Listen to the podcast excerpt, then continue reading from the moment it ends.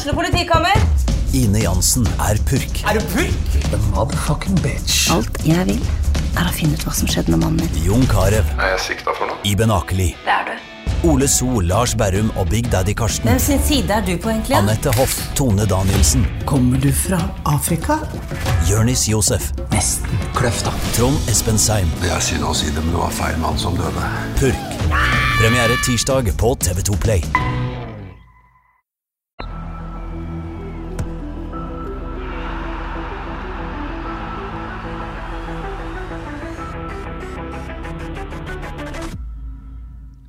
Hei og velkommen til episode 37 av Frelst. Mitt navn er Terje Flateby. Eh, I dag burde vi jo egentlig hatt en bodøværing i studio. Eh, Nå har vi jo det, da, men eh, egentlig som gjest. Men, men la oss nå begynne med deg, da, Kåre. Du er ikke bodøværing? Ja, nei, jeg er ikke det, men det er ikke så langt ifra, holdt jeg på å si. Du har noen connections, ikke sant? Jeg har masse slektninger i Bodø. Ja. Så grunnen til at vi snakker om Bodø, hvis noen som hører på Frelst ikke skjønner hvorfor vi snakker om Bodø, så kan jeg egentlig bare slutte å høre på med en gang. Neida. Eh, men, men det er jo selvfølgelig seriegullet til Bodø-Glimt, eh, som de sikra seg i går. Den lille bodøværingen du har i det, blir du stolt? Eh, først og fremst eh, er det en stor ære å få sitte i studio sammen med en bodøværing på, på denne dagen. Ja. Eh, gratulerer så mye. Det er jo helt fantastisk. Det, jeg vil jo påstå det er tidenes beste klubblag i norsk fotball. Fra lille Bodø. Det, det er et eventyr. Tidenes beste klubblag i norsk fotball. Det er store ord. Ja, det er store ord for en liten mann. Ai, ai, ai. Eh, da er det på tide å introdusere dagens gjest. Han har det meste man trenger av en god gjest i en fotballpodkast. Da utenom det, Runar Norvik, at du ikke er bodøværing i dag. Det er vel det eneste minuset ditt. Mitt eneste minus i dag er at jeg ikke er bodøværing, og har heller ingen koblinger, så vidt meg bekjent. Ja, ingenting. Bortsett fra at du kjenner meg, da. Uh, Ja. ja. Du er det nærmeste jeg kommer. Jeg er veldig glad på dine vegne, da, Terje. Jo, takk. Uh, Nå kan jeg jo bare oppklare det med en gang. Jeg får jo alltid spørsmål hver gang FK møter Bodø-Glimt, og hvem jeg heier på. og sånt. Jeg, det er en stund siden jeg følte jeg liksom jeg var Bodø-Glimt-supporter. Eh, Det slutta jeg vel gjerne med sånn jeg var sånn par og 20, selv om jeg følte de veldig tatt fram til da. Men jeg er jo glad og stolt likevel. Det må jeg få lov å si. Ja, det syns jeg det var all mulig grunn til. Jeg er helt enig med Odd Kåre at et uh, mannskap tilsvarende det Bodø-Glimt har hatt i år, uh, eller uh, kanskje riktigere å si fotballen som Bodø-Glimt har levert i år, har aldri vært på et tilsvarende nivå i noen norske årganger tidligere. Eh, utrolig imponerende det de har fått til i Bodø. Kan jeg få lov til å komme med litt fun fact her? Ja? Absolutt. Når jeg vokste opp og var liten gutt, så hadde ikke lag fra Nord-Norge lov til å spille i de øverste divisjonene i Norge. Nei. I 1970 for første gang fikk de spille på nivå 2. Og i 1972 var det første gang det var et lag fra Nord-Norge i, eh, i øverste divisjon. Så sånt har det gått. Sånt har det Nå er de Norges suverent beste. Hvis jeg i tillegg skal være raus bodøværing i dag og nevne Tromsø IL, som faktisk sikra seg opprykk til Eliteserien, så var det jo en stor dag for nordnorsk fotball i går. Rett og slett. Absolutt. Skal vi sette strek når det gjelder Bodø-Glimt der? Ja, hvis ikke du vil tilføye noe, har, har, du jeg- har du litt insight fra feiringen? Nei, jeg har egentlig ikke noe insight. Det er jo, det er jo skandale med timinga på opptaket på denne podkasten, som, som Runar påpekte at jeg ikke satt opptatt og så på, så på gullsending. De, de landa jo omtrent i Bodø i dette øyeblikk, men eh, det skal jeg nok klare å komme over. Men jeg syns vi bør nevne bergenseren Kjetil Knutsen. For en jobb han har gjort. Helt klart. Eh, men vi har jo vært inne på det i denne podkasten før. Jeg tror han har gjort en kjempejobb, men det er veldig mange, mange i Glimt som har gjort en kjempejobb over en del år, som vi ser resultatet og kulmineringen av nå. Tror jeg. Helt, helt riktig, Terje. Man glemmer gjerne det. At man hekter gjerne suksess og fiasko på, på eh, ansiktet utad.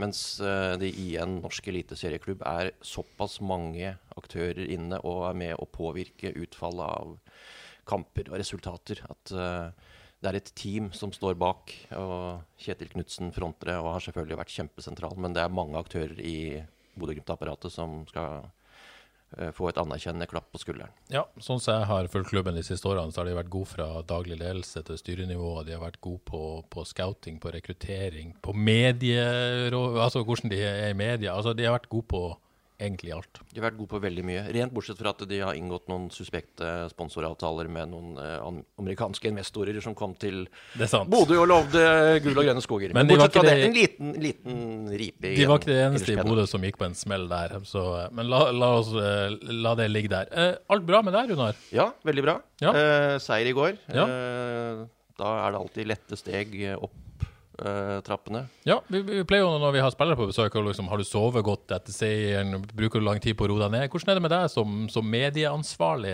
Påvirker resultatet ditt liv i døgnet etterpå? Ja, ja, i aller høyeste grad. Uh, jeg tror det sitter mye lenger i hos meg enn hos spillere og trenere, fordi de kan på en måte ikke tillate seg å grave seg veldig dypt ned. Det kan, det kan ikke omgivelsene gjøre heller, for så vidt. fordi hvis jeg går rundt og trekker folk i prestasjonsgruppa ned, så, så blir det dårlige vibber med en gang. Så, men uh, ingen tar, ingen tar uh, tapte slag tyngre enn en meg, tror jeg. Det, ja, for det, det, er jo, det, er jo, ikke så mange år siden du var på en måte i litt samme situasjon som oss. Du var jo fotballekspert på TV Haugland og egentlig ikke noe sånn FKH-ansatt, selvfølgelig. Men blir, man blir fort glad i klubben, regner jeg med? ja, ja, absolutt. Jeg, jeg, var jo veldig glad i FKH allerede før jeg flytta til uh, til Haugesund. Uh, men jeg var kanskje ikke supporter. Jeg håpet alltid at de gjorde det bra, men hjertet mitt banka for en helt annen uh, norsk klubb på det tidspunktet. Men det er klart, straks du uh, entrer Haugesund stadion, er ansatt og lever og ånder med resultater, og det er jo alt det koker ned til. Uansett hvilken funksjon du har på Haugesund stadion og i organisasjonen, så koker jo alt ned til resultater på kampdag. Så jeg, jeg tror alle lever og ånder for, for uh, resultater. Og tar tapte slag veldig tungt. Og uh, om ikke Det er vel kanskje mer snakk om lettelse i forbindelse med seire. Man føler mer på lettelse enn glede tilsvarende Altså en glede like stor som skuffelsen over å tape. Den oppnår man veldig sjelden, men det er mer lettelse. Og så må jeg si, du, du, er jo eh, vil jeg si, du er høyaktuell om dagen. Du har en TV-serie gående på, på fk.no, er vel på en måte primærkanalen her, eh, som heter Akademiet. Som handler om rett og slett FKH Akademiet. Eh, hva er tanken bak å lage den serien? Det var et ønske om å få formidla ut Uh, en veldig sentral del av FK Haugesund som nok er ganske ukjent for folk flest. Både i forhold til omfanget og ressurser vi legger ned i akademiet vårt. Eh, hvor mange som jobber veldig dedikert med akademiet, og innholdet, hva det går i. Altså eh, hva det vil si å være akademispiller, hva det vil si å være akademitrener. Eh, og få tegnet og formidla egentlig hele bildet. Vi vi, vi, har et av landets beste akademier, og vi har ikke minst en lang rekke veldig veldig spennende spillere i systemet vårt som har alle forutsetninger for å bli veldig gode. Så, så, et akademi som over lang tid har vært litt underkommunisert ut, tenkte vi at det var en god idé å lage en dokumentarserie om. Ja, jeg vil jo benytte anledningen alle til å se den. Jeg har sett de episodene som har kommet så langt. Har kost meg veldig. Uh, fint innblikk i hvordan det er, og har lært en del òg. Så anbefales absolutt. Um, når det folk er interessert i, det er jo når kommer den neste Kristoffer Welde, og når kommer den neste Kevin Martin Krygård. Er det det du har sett, du har tro på at det kommer nye? Ja, det er jeg helt sikker på. Vi har spillere som er med 99 sikkerhet uh, kan si at uh, kommer til å være spillere som kommer til å løpe rundt i FKH-drakt i Eliteserien om et par-tre år, år. Uh, og så har vi noen uh, rakkere nedover i systemet, G14, uh, eh, spillere som er ja, helt i norgestoppen. Bedre enn når du var 14 år, eller? Ja. Betraktelig bedre enn meg selv som 14-åring. Selv om jeg også gikk rundt og trodde at jeg var, om ikke Guds gave til fotballen, så, så var jeg i hvert fall veldig ambisiøs. Men jeg hadde ikke på langt nær talentet til, til de de hva skal jeg si for noe aller største talentene som vi har i akademiet vårt. Og Jeg vet ikke om du har sett denne serien, det har jeg ikke spurt deg om, men, men uh, akademiet og det jobben som gjøres der, det er vel ganske tydelig at der skjer det mye spennende om dagen? Jeg har ikke kommet i gang med serien ennå, men gleder meg veldig, Runar. Jeg skal snart uh, sette i gang. Jeg har jo fulgt uh, rekruttlaget til FK og sett mange kamper det siste året og vet uh, at det jobbes veldig godt i uh, nedoversystemene i FK. Så dette gleder jeg meg til. Runar nevner spillere som helt sikkert kommer til å spille Eliteserien om noen år. Jeg har sett et par juniorkamper nå. Vi kan gjerne nevne noen navn òg. Altså Andreas Endresen har allerede fått prøvd seg i Eliteserien. Meget målfarlig og god spiss. Og Jonas Valland, midtstopper fra Stord, han blir helt sikkert en eliteseriespiller. Det er jeg ganske sikker på.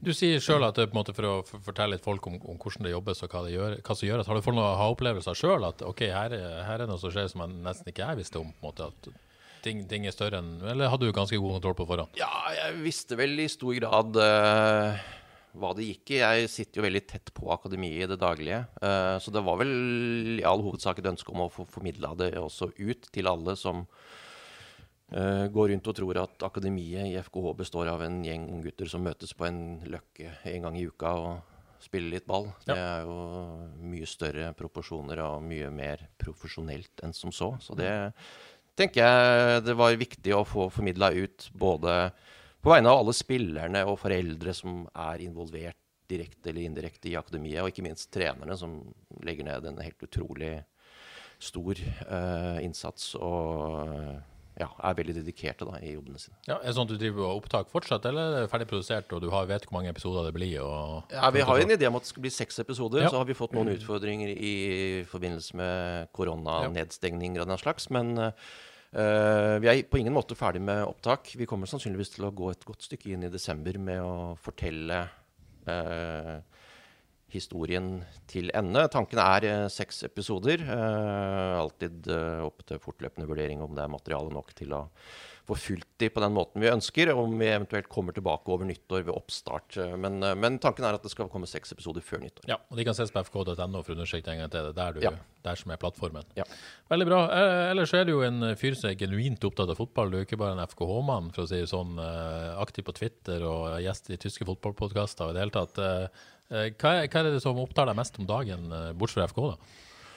Uh, nei, det blir vel det samme kjedelige svaret. At det er uh, fotballen som spilles alle andre steder enn i de største ligaene. Ja. Uh, Så selv som liten Tottenham-fan, så er du ikke, det er ikke der du har fokuset, selv om det er tabelltopp om dagen. nei, jeg merker det at jeg, jeg syns det er veldig hyggelig at Tottenham gjør det bra, men de helt store emosjonene vekker det ikke i meg lenger. Selv om, selv om jeg egentlig aldri hadde trodd at den dagen skulle komme, så, så er, vi, er vi nok dessverre der nå at uh, det er andre ting jeg er mer opptatt av i fotballsammenheng. av dine ting, da, hva er det som du er mest fornøyd med om dagen? Enten det Ja, det det er eh, Det er lov å være nerd her, altså. Ja, det- er jo to ting. Det ene er at det går eh, særdeles godt med begge mine utenlandske favorittlag. Jeg har jo to favoritt... Eller jeg har mange favorittlag, men det er jo to som jeg på en måte føler at jeg er stor supporter av. Og det er henholdsvis 1860 München, som spiller på nivå tre i Tyskland. Ja, det går bra med de, altså? de går veldig bra. Oi, oi. Eh, høyst uvanlig til Ja.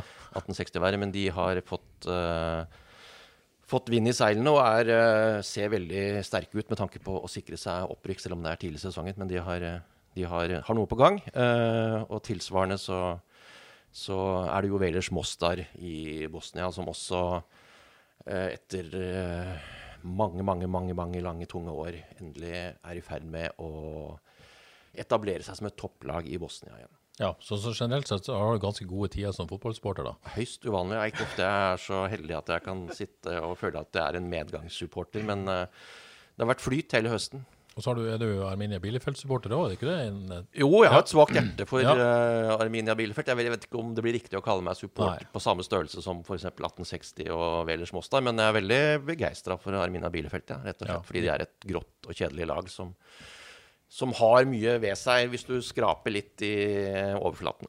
og det liker du å gjøre. Det liker jeg. Definitivt. Og de, eh, tror du de overlever Bundesliga, da? Nei, Nei. det tror jeg ikke.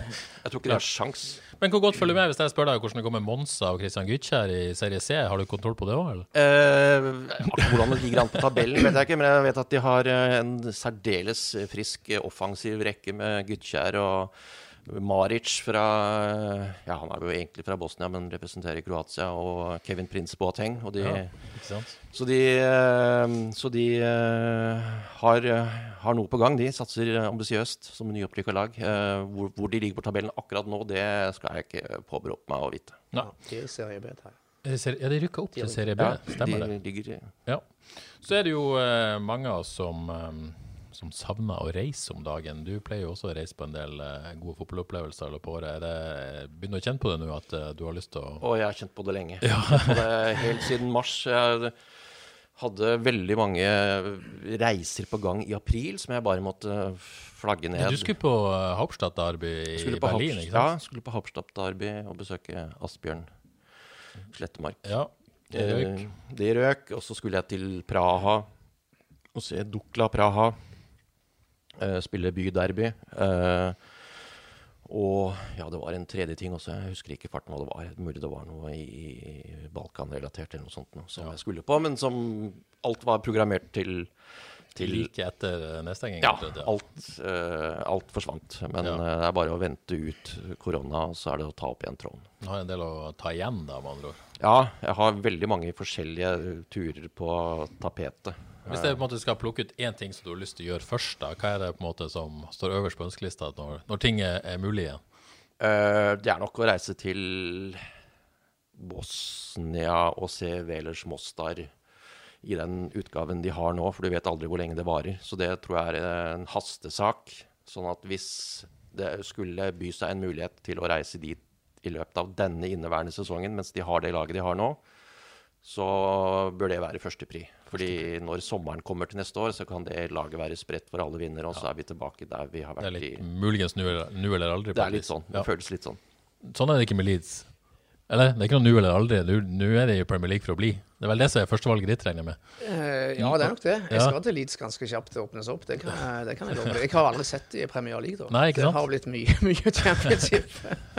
Så uh, det er ikke så rart at det står øverst på de lister, for å si det sånn. Nei, ikke- Men det er jo fantastisk, fantastisk fascinerende å høre på Runar her. Altså, hvor følelser og sympatier går på tvers av grenser og hele verden her. Det er veldig gøy å høre på. Så, og så er det jo en, en spesiell situasjon. Det er ikke bare det at dere reiser, men det påvirker arbeidshverdagen din òg ganske kraftig, denne koronasituasjonen. Og, og det har jo blitt stramma inn i Eliteserien siste uka nå etter de, de bølgene. Hvordan, hvordan, hvordan påvirker det din jobb, det, det som skjer sånn nå? Eh, påvirker jobben i den forstand som den gjør egentlig for alle, tror jeg, som jobber i FKH. At det har blitt veldig mye mer krevende fra eh, uke til uke og gjennomføre ting som planlagt. Det er veldig mye rykk tilbake til start og tenke ut nye løsninger og Eh, ja. Øh, alt fra hvordan du organiserer kampdager i henhold til eh, regelverk forfatta i Oslo, men som ikke tar høyde for at det er jo ingen stadioner i Norge som er bygget eller konstruert på en måte som gjør at du kan ivareta alle smittevernhensyn. Du kan ikke sluse et kamerateam på 25 mann fra Oslo rundt i korridorene på Haugesund stadion uten at de er i Kontakt kontakt, med med, andre. Eh, selv om det er det som på en måte er intensjonen og det vi prøver å oppnå. Så uh, veldig krevende å gjennomføre sesongen både på og utenfor banen. Og det går veldig rykk og napp. Og Ja. Nå gjelder det bare å krangle seg gjennom den siste måneden og forhåpentligvis sørge for at alle kommer seg gjennom 19.12. Spesiell situasjon sikkert på stadion nå, der det er så skilt mellom dere som er i den sportslige kohorten og ikke er det. Det er Sikkert en veldig rar hverdag å gå rundt der og ikke kunne være sammen med, med alle. Ja, eh, akkurat nå så legger du veldig klare begrensninger i forhold til hvordan jeg får fulgt opp A-laget, f.eks. Jeg kunne eh, Vi er jo den klubben i Norge, og ja, tror nesten uh, frista til å si Nord-Europa, som er tettest på spillergruppa sånn i det daglige på treninger og den slags. Og eh, har vektlagt det veldig mye, da. Eh, de siste ukene så har det jo blitt i praksis full stopp. Eh, jeg var til stede på trening lørdag, men måtte stå på avstand og ta noen bilder, og det var det vi fikk til. Fordi nå, nå er jo jeg underlagt de samme restriksjonene som alle andre i møte med spillerne våre, så vi risikerer rett og slett ingenting. Fordi eh, alt handler om å komme seg gjennom den siste måneden av sesongen. Ja. Det er vel ikke uten grunn at Jostein Grinøy fikk spørsmålet i går om han eh, bare håpa at sesongen var lengre nå etter at formen endelig var kommet. Så vi har klart svar nei, han skulle ønske han var ferdig i dag. Ja, det er, det er vi, er, flere, vi er flere som eh, deler det synspunktet der, for å si det sånn. Jeg tror veldig mange hadde vært eh, veldig innstilt på at vi kunne senke skuldrene og begynne å fokusere på neste sesong. Men, eh, men eh, det er for mye som står på spill, i, ja, spesielt i bunnen av tabellen. Det er det. La oss snakke litt, eh, litt om det som skjedde på banen med FKH i går. Odd Kåre. Deilig 3-2-seier mot Sandefjord. Har funnet en slags flyt og form nå, FK. Det er vi enige om? Ja, imponerende. Fire, fire seier på fem siste, og det tapet der, så som vi sa sist, en del god del uflaks involvert mot Ålesund. Men jeg må jo få lov å si jeg fikk, eh, fikk ikke sett FK i går, dessverre. Jeg fikk heller ikke sett Leeds, så det var litt sånn, en litt sånn tvilsom søndag for min del.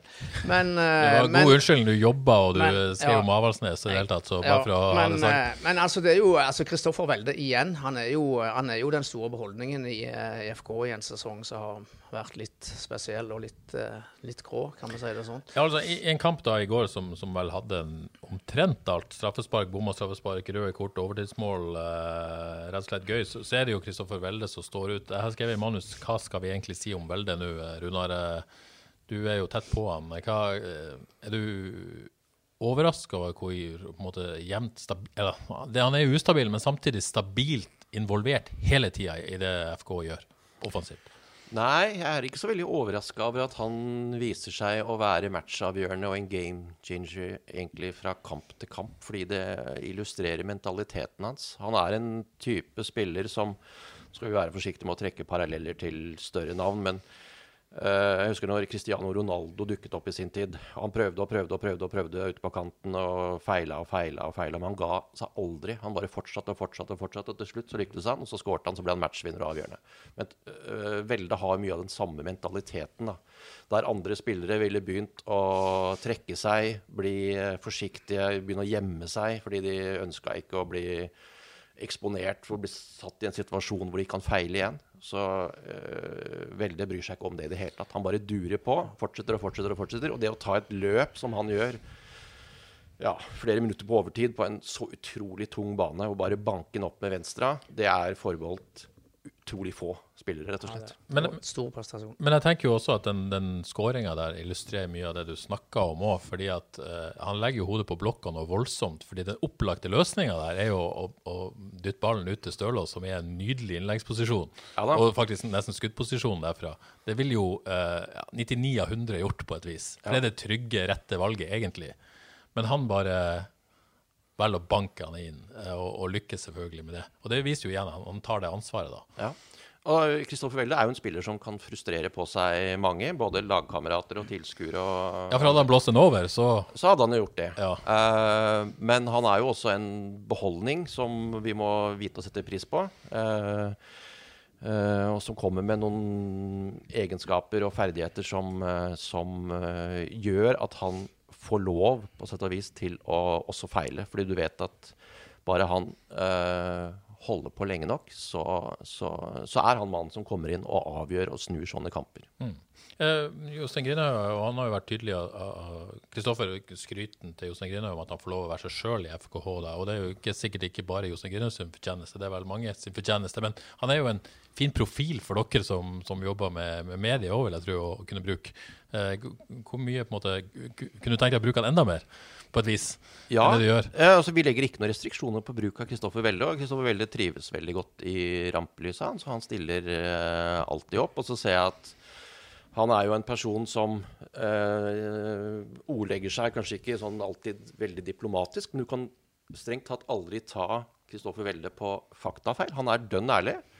Både på sin egen bekostning, men på klubbens bekostning og motstanders bekostning. Og så ordlegger han seg på en måte som sikkert provoserer mange. Eh, jeg er veldig tilhenger av det. At du snakker, og at eh, det du sier, reflekterer følelsene dine. Vi har nok av eh, intervjuer som er stein daue fra A til Å. Og så klager han heller ikke på responsen. Altså, det sitter mange der ute og hater på Kristoffer Welde på sosiale medier. Men jeg har aldri hørt Kristoffer Welde noen gang komme til meg og klage sin nød over at folk er ufine med han. For han skjønner at det er en del av greia. Når jeg er Kristoffer Welde, slik Kristoffer Welde skal være, så resulterer det i sånne ting, og det tar han på strak arm. Ja, og i hvert fall ikke så jeg registrert noen gang klager. Altså, vi lager jo overskrifter av dette og vinklinger, og, og jeg elsker jo Kristoffer Welde for at han er den han er, men han klager heller aldri til oss over at eh, hvorfor brukte du det sånn, eller hvorfor sånn, fordi fikk jeg for mye pass. Men det har jeg faktisk aldri hørt et ord om. Så han står liksom for det han sier. Ja, ja. Og selv, og selv om det koker litt i toppen hos han og mange andre ofte, så, Um, så uh, tenker jeg at Kristoffer Welle er ganske flink til å reflektere i etterkant over ting han har sagt og gjort. Og, og øh, ja, øh, klarer å forholde seg egentlig ganske fint til det. Og han er ganske nådeløs mot seg selv når du gjør sånne type oppsummerende intervjuer over hvor ting har gått galt tidligere, eller Da, han prøver ikke å skyve ansvaret over på så veldig mange andre enn seg selv. Ja. På god vei til å bli årets FK-spiller? eller? Uh, Vet ikke hvordan det ligger an på børsen. Ja, Benjamin Tidemann ligger vel foran på børsen. Har vært vel litt, litt jevnere, kan man Ja. si. Men uh, som, uh, som jeg sa, årets, årets beholdning, mener jeg, FK. Og litt sånn fakta. Nå har han skåret åtte mål. Det, vi må helt tilbake til 2014 før en FK-spiller skårte mer enn ti mål i Eliteserien. Så der har du en fin utfordring, Kristoffer. Skår elleve mål. Minst. Og så blir det veldig spennende å se. Det er jo en, en vinter der litt avhengig av hva som skjer med et eventuelt salg av stadion til Haugesund kommune, men kanskje en vinter der FK trenger Og en klubb som er avhengig av spillersalg òg, hva som skjer med Kristoffer Welde i vinter. Vil du tro at en sånn spiller som er såpass matchavgjørende så ofte og bidrar med målpoeng, som jo ofte er det utenlandske klubber ser på, vil jo være attraktiv selv i et koronainfisert korona-infisert fotballøkonomi. Kan vi miste Kristoffer Welde i vinter, eh, Selvfølgelig kan man det. Med de egenskapene han har, så er han attraktiv på, på høyere nivå enn en norsk eliteserie. Jeg, jeg er redd for, for å si det sånn. Jeg ser han gjerne i FK et år til, og det tror jeg for så vidt han kan, kan ha godt av. Men uh, han kan bli god butikk for FK allerede i vinter. Jeg vet ikke hvor mye du kan si om dette, Runar, men Eh, Ja, fordi jeg, jeg vet jo heller ikke noe mer enn det dere så gjør. kan Så det blir bare spekulasjoner. Men uh, at Kristoffer Welde er uh, interessant for andre klubber utenfor landets grenser, det tror jeg er opplagt for alle. Og, og helt uavhengig av korona, så er FKHs eh, hverdag den slik at eh, spillersalg det er en del av eh, det som må til for å drive butikken. Så, så eh, det handler bare om at eh, tilbudet og både skal være riktig og stort nok. og ja. ja.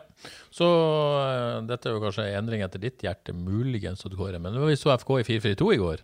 Ja. Fikk du med deg det? På, fra din, eh, ditt ståsted jeg som eh, har i hvert fall lest det i Haugesunds Avis. Ja, ikke sant? Men jeg, jeg, altså, jeg har alltid hatt litt sansen for Kone, Ibrahim Kone. Ja. Det er en kraftpakke, altså. Jeg mener eh, Nå ble ble han vel lånt ut eh, her i, eh, Fjor, i, i fjor og i vår. Jeg, jeg håper FK beholder han og prøver å få, få, få ut det potensialet der, for der mener jeg det er noe, altså. Altså jeg tipper Hvis vi sjekker antall minutter spilt og antall skåra, så har han et ganske bra snitt uten at jeg eh, bare, Jeg kan tenke meg til det, det tror jeg nesten vi må sjekke. Eh, ga jo FK en helt annen presence i, i, i 16-meteren. Det var jo helt åpenbart. Skåra et mål, skaffa et straffespark, eh, i det hele tatt var, var bra i lufta. Uh, Han, han, ja. må, han må jo være grusom å spille mot.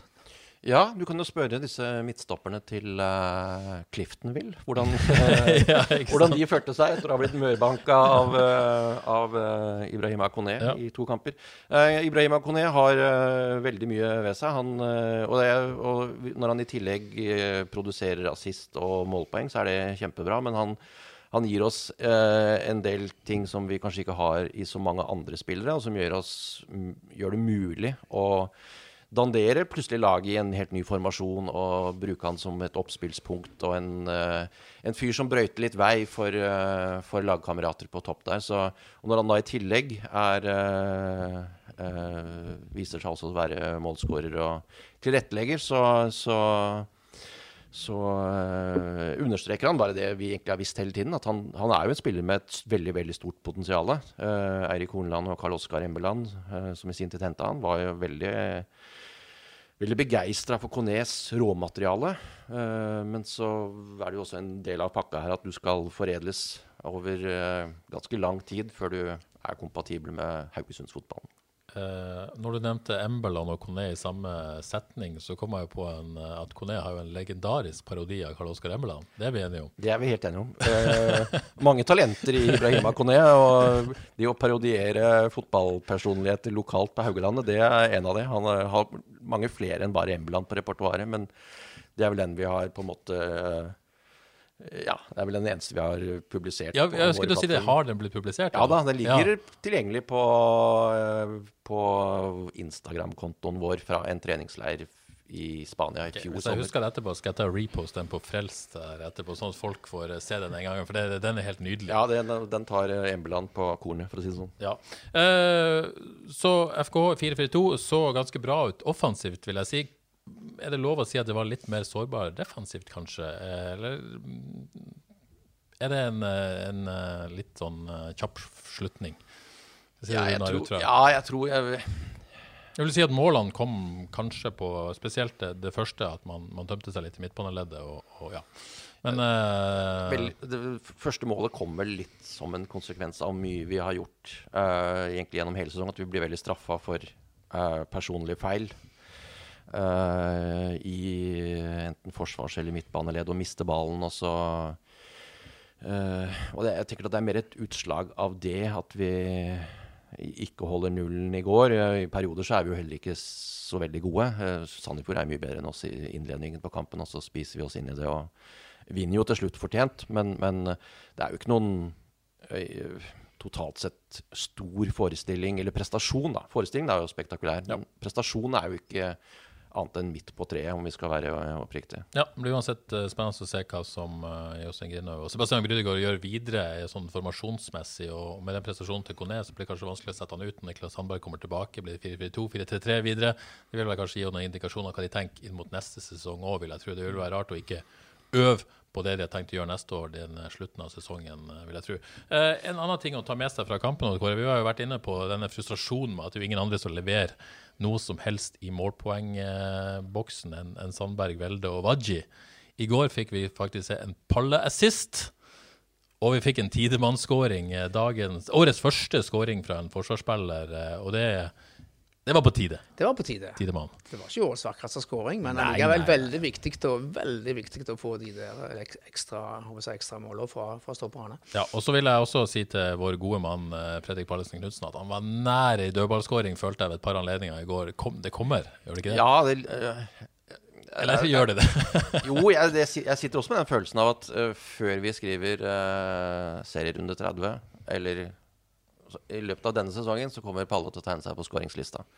Uh, det, det, det, der er jo et av de spørsmålene som alltid har vært interessant å se. Hvorfor vinner uh, midtstopperne alt i egen boks, mm. og så lite i motstanderens? Hva, hva skyldes det? Og uh, hva kan gjøres for å, for å endre på det? Men, men vi har egentlig gått hele sesongen og bare venta på at spillere som ellers står frem i duellspillet, skal vise seg med samme pondus og styrke offensivt, men uh, ja. Uh, det er litt, litt, to forskjellige idretter på et vis òg?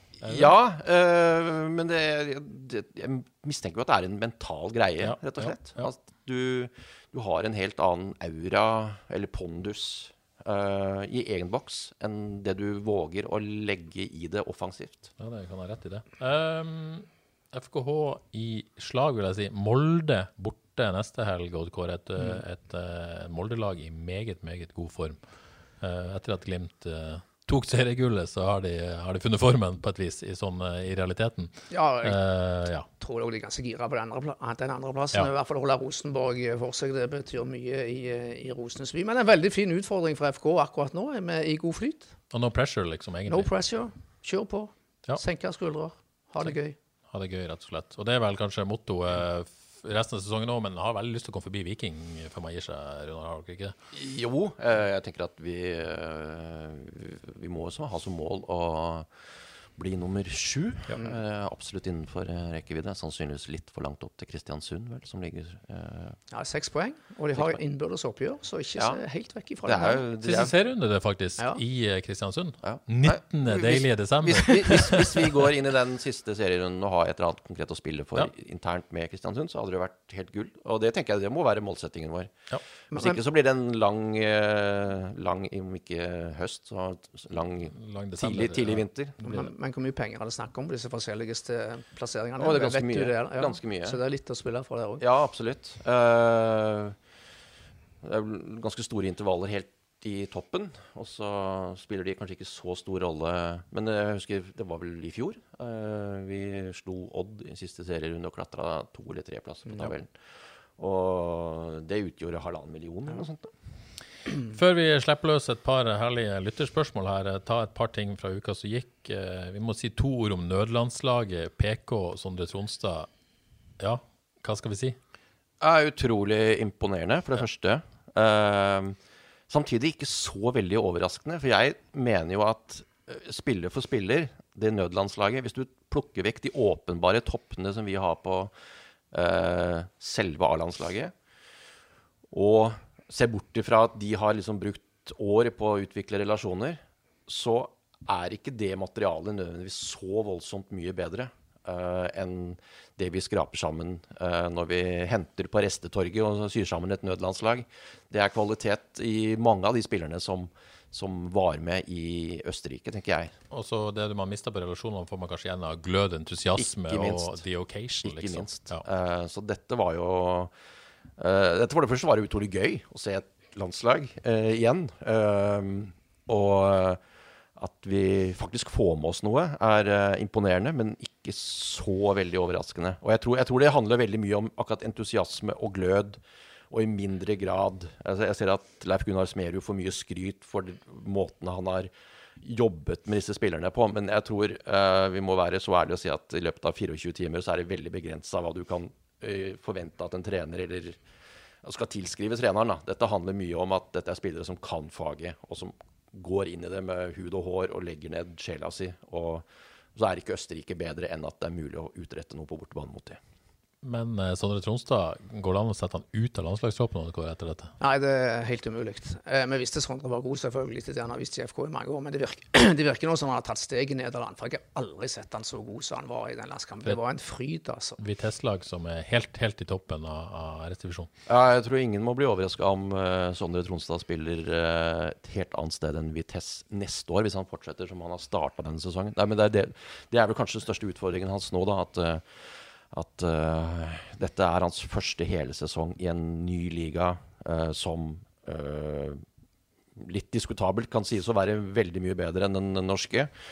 Og så får vi se om han orker å stå distansen. Det er utfordringen hans. Selv om han blir en Zlatan Ibrahimovic, som i sine fem-seks første år både i Nederland og Italia var veldig god før jul, og så slukna helt etter nyttår. Det er ikke så uvanlig. Nei.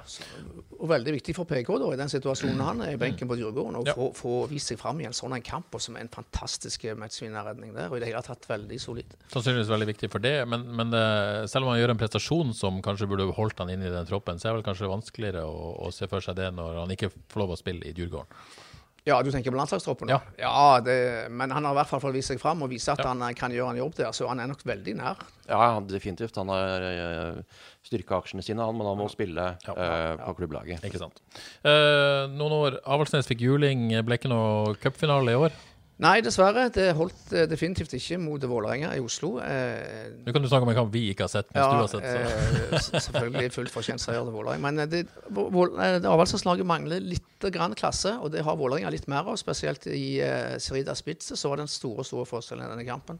Skåret to mål av en glimrende målgivende. Da tre kjappe der eh, etter en halvtime, så var, var det løpet kjørt, dessverre. Det blir noen lange 14 dager nå før eh, den eh, ganske så spennende avslutninga i toppserien 6.12. Ja, det blir jo en thriller. Ja. Eh, Vi bygde oss jo godt opp til den her forrige, Ja, forrige, helg, men uh, det røyk jo. Jeg er redd eh, Thomas Dale har et poeng når han sier at disse lagene så, så henholdsvis uh, Vålerenga Rosenborg skal spille mot, altså Arna-Bjørnar Klepp, han, han, han er litt redd at de ikke klarer å holde oppe motivasjonen i disse to ukene når de ikke har noe å spille for. Så det er nok fordel Vålerenga Rosenborg, det er definitivt. Men siste serierunde, alt kan skje. Alt kan skje. alt kan skje. Eh, og så eh, klarte Vard ikke å gjøre jobben. Bryne slo Egersund, men, men Vard taper mot Arendal. Og hadde Roy Militeig satt den straffa, så er det vel grunn til å tro at uh, ja, det kunne ha gått. Det, det kunne gått. Men det var, jeg tror det var de to beste lagene som fikk de to plassene. Men jeg vil gjerne nevne, jeg, jeg traff Roy Miljeteg på en tur rundt Djupedalen. her. Det var for ca. to uker siden, tror jeg. Det var rett etter han hadde skåret mot eh, Fløy på straffe. Og det var litt eh, bøss rundt disse straffene med Niklas og og Kristoffer Welde. Så da spurte jeg han når bomma du på en straffe sist, Roy?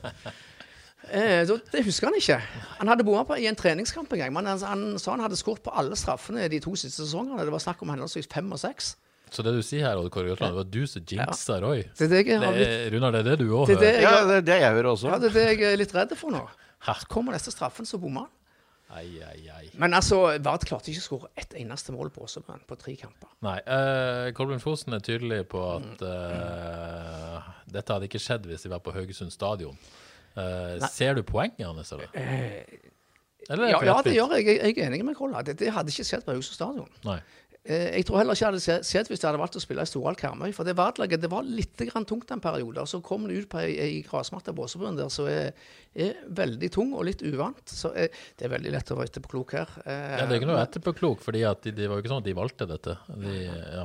Men jeg tror, jeg tror det hadde gått bedre på Haugesund stadion. Jeg tror det hadde gått bedre i Storhall Karmøy. Men det, sånn var det. Ja, du, sånn du mener at de heller burde ha valgt å spille i Storhall Karmøy? Ja. ja, sånn, ja. Ja, Nei, det får vi jo aldri vite. Beina går litt lettere inn i Storhall enn på Åsebøen. Det gjør de. Skal slippe å svare for bruken av Haugesund stadion, eh, Runar, men eh, litt synd at ikke dette Vardø-eventyret holdt helt inn. Og det kunne vært veldig gøy å se det i, i første divisjon, ikke minst. Absolutt. Det hadde vært kjempeinteressant. Jeg vet ikke i hvilken grad eh, fundamentet i Vard per dags dato tilsier at de eh, kunne gjort regning med å overlevd eller eh, etablert seg på, på nivå to. Men, men eh, klart når du er såpass nærme som de tross alt er, så er det jo utrolig surt at de, at de eh, ikke klarer det i, i, eh, en siste av, eller nest siste avgjørende kamp som lever såpass Ja, de er, de er jo med helt inn. Definitivt. Så I hvert fall all ære til Vard for en, eh, en god sesong. Så blir det nå veldig spennende å sjekke hva, som skjer med Kolbjørn Fosen, om han eh, blir værende eller ikke. Det er vel eh, det vi venter på nå, på et vis. Ja, fantastisk sesong av Vard og Kolla. Ja. Da tror jeg vi er klar for noen lytterspørsmål. Vi begynner med et fra Johannes Husebø, Runar. eh, FKH-bloggeren sjøl. Han skriver at FKH får mye ros for å være gøyere på Twitter. Eh, Og spør om det tok deg tid å bli varm i trøya på FK sin eh, sosiale mediekanal. Og denne lekenheten, har den alltid vært med deg? Ja, jeg føler vel at den reflekterer egentlig mer meg som person enn at det er en nedfelt policy i regi av klubben. Eh, Dere har ikke et sosiale medier-team der dere har pekt ut en strategi, altså? Nei, vi, vi har faktisk hatt det eh, en gang, men det ble så konformt. Altså, det ble bare Vi gikk i den samme fella som stort sett alle fotballklubber gjør på sosiale medier, og definitivt alle de store klubbene. At man sitter bare og serverer totalt uinteressante ting, servile ting. Eh, ting uten noen form for eh, kant eller brodd eller innhold i praksis. Du blir ikke noe klokere av å sitte og følge de store klubbene på Instagram, fordi de legger bare ut pressefoto fra kamper. Eh, det er ikke noe behind the scenes eller uh, ingenting. De mener ingenting i praksis som uh, om noe.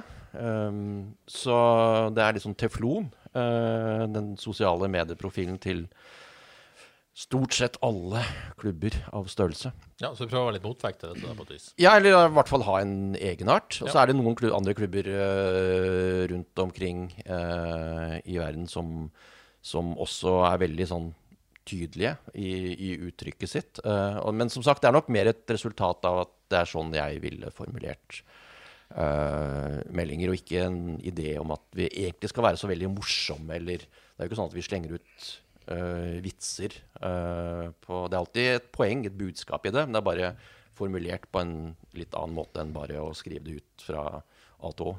Men når du eh, legger ut avgangstidene til kystbussen fra Bergen etter at Niklas Sandberg har bomma straffa og sånn, eh, blir, blir, blir han sur på deg da? Nei, Eller tar de det, ikke. tar spillerne med godt humør? Nei, eh, vi, vi lever jo så tett på hverandre at eh, eh, vi, vi Jeg vet veldig godt hvem jeg kan gjøre sånn med og ikke. Uh, og Niklas Sandberg, han eh, han er også der i, også i den veldesfæren at han uh, melder hardt og tar uh, alle spark i egen retning med stoisk ro og fatning. Så, men er- det er jo spillere jeg ikke ville gjort dette med, for det ville vært totalt ødeleggende. Men For eksempel med ja, altså en spiller som er på vei opp og frem, og som har levert dårlig og blitt skuffa og reist hjem. Men jeg ville jo ikke på en måte gjort Du tar de som tåler det på Ja da. Så, så uh, Torbjørn Kallevåg var en sånn type som også sto laglig til for hugg, for han hadde Han uh, tok seg ikke så veldig høytidelig, eller var på et sted i karrieren hvor han håndterte sånne ting. Da. Torbjørn Kallevåg som takka nei til å dra til Bodø-Glimt. Ja, Det, det, det, det skal vi snakke mer om på et tidspunkt, kanskje. Det, ja. -hmm, nok om det. Ja. Uh, ja, eh, Steinar på Twitter spør eh, hvor ofte du blir brukt som rådgiver angående spillere fra Balkan, og er det et bevisst valg fra klubbens side å hente færre spillere derfra de siste årene? Eh, hvis du kan Ja, si det er det nok. For å svare på det siste, så er det nok et bevisst valg at vi har tona ned engasjementet der. Uh, og det skyldes vel i stor grad forhandlingskulturen. Jeg tror uh, du, du skal ha ganske sterk stamina for å, for å gjennomføre en avtale, eller få sluttført ting. ja, det er eh, tidkrevende, rett ja, og så er jo forretningskulturen litt annerledes. En avtale er ikke nødvendigvis en avtale. og Uh, Eirik Opdal har vel frustrert seg over uh, ganske mange uh, enerådige klubbeiere på Balkan, og vice versa. Jeg tipper de også sitter der nede og klør seg i huet over eh, hvor lite fleksibel eh, Eirik Opedal har vært og sånn. Så, så eh, det har vel vært sterkt medvirket at man hadde tona ned engasjementet sitt akkurat i den regionen. Så har man funnet en ny åre nå i Skandinavia eh, med de åpenbare fordelene det har med å ja, hva skal jeg si Ja. for noe, akklimatisere spillere raskt. Og. Ja, for det har vært et helt åpenbart skifte Kåre, fra, fra type Balkan til, til, til Skandinavia, da, egentlig.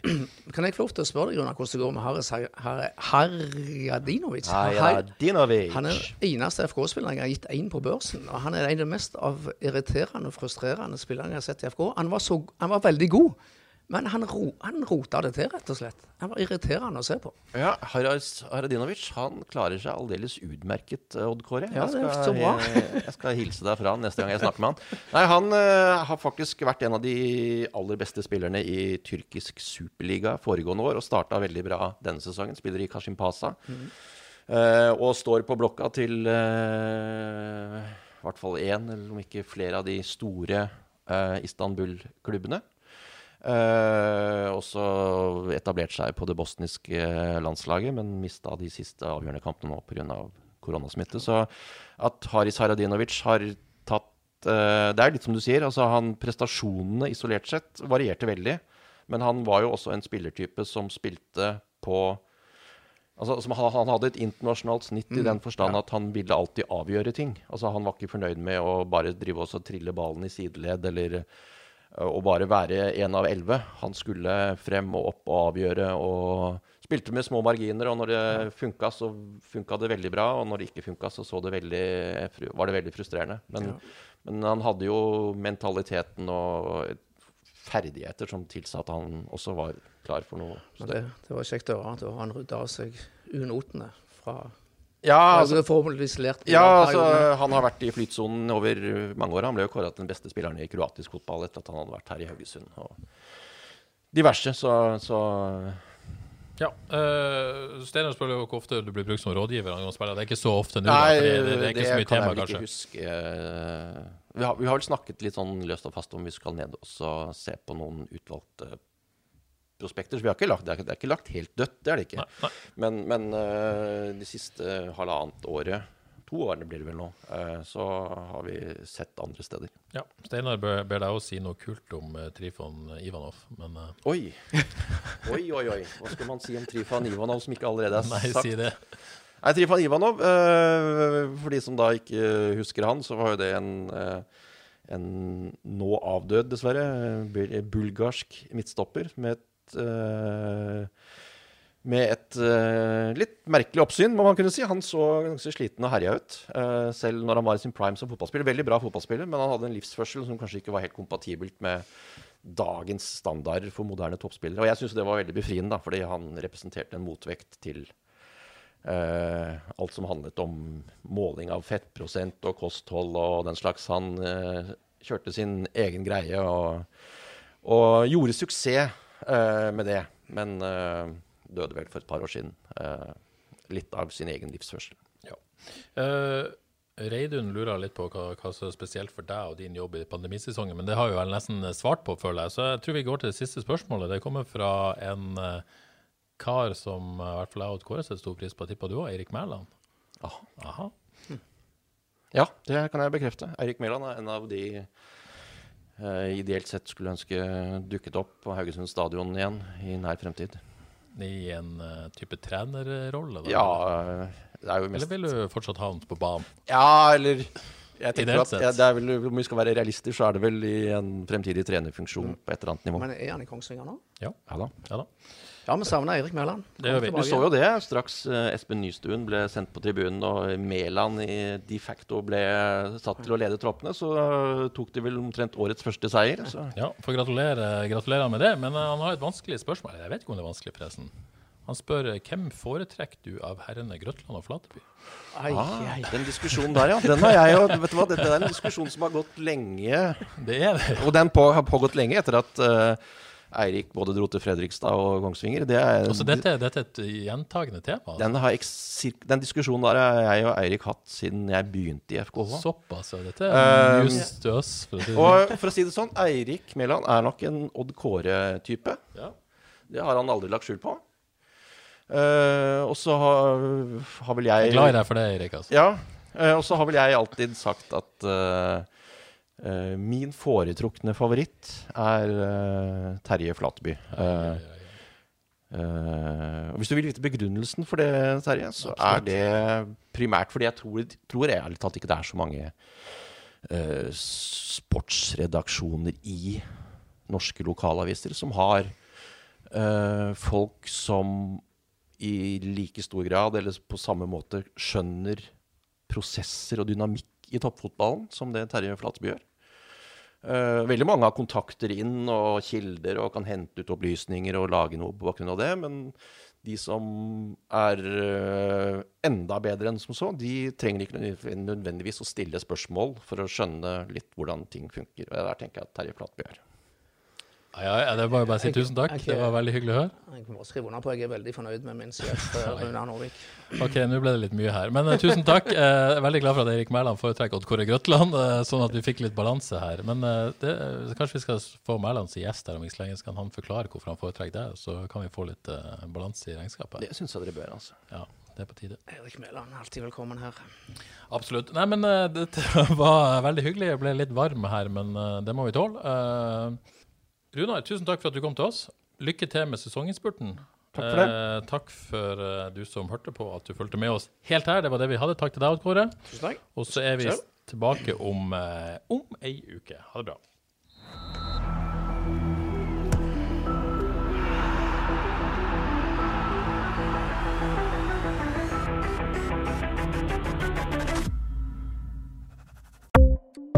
Ukens annonsør er HelloFresh. HelloFresh er verdens ledende matkasseleverandør og kan være redningen i en travel hverdag.